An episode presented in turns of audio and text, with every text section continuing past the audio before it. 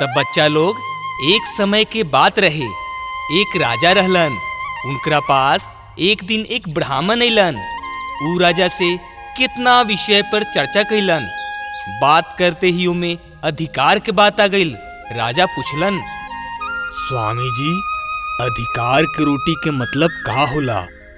ब्राह्मण जवाब देहलन, राजन, तहार नगर में एक खास जगह पर एक बुढ़िया रहेले। उहे एकर जवाब दे सकतिया ओकरे पास जाके और ओकरा से अधिकार के रोटी के उत्तर मांगा। राजा बुढ़िया के खोज में निकल गईलन खोजते खोजते उनकरा ऊ बुढ़िया मिल गईल ऊ एक झोपड़ी में बैठ के चरखा पर सूता काटतलस राजा ओकरा सामने खड़ा होके बोललन, हे माई, अधिकार के रोटी के मतलब का होला?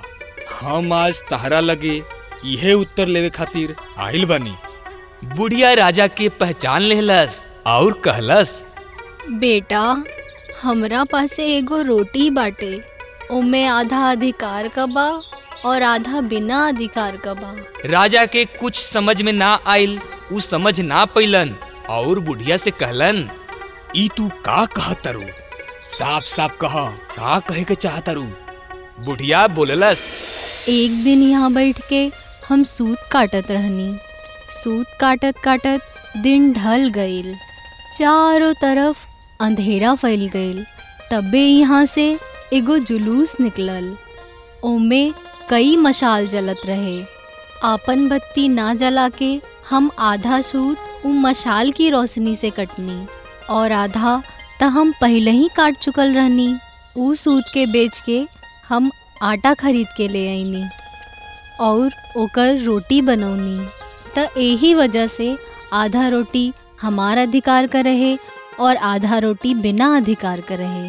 ऊपर हमार ना जुलूस वाला का अधिकार बाटे। बुढ़िया के ई बात सुनते ही राजा चकित हो गईलन। ऊ अनपढ़ बुढ़िया के अधिकार से संबंधित धर्म के बात सुन के राजा के सिर श्रद्धा से झुक गई।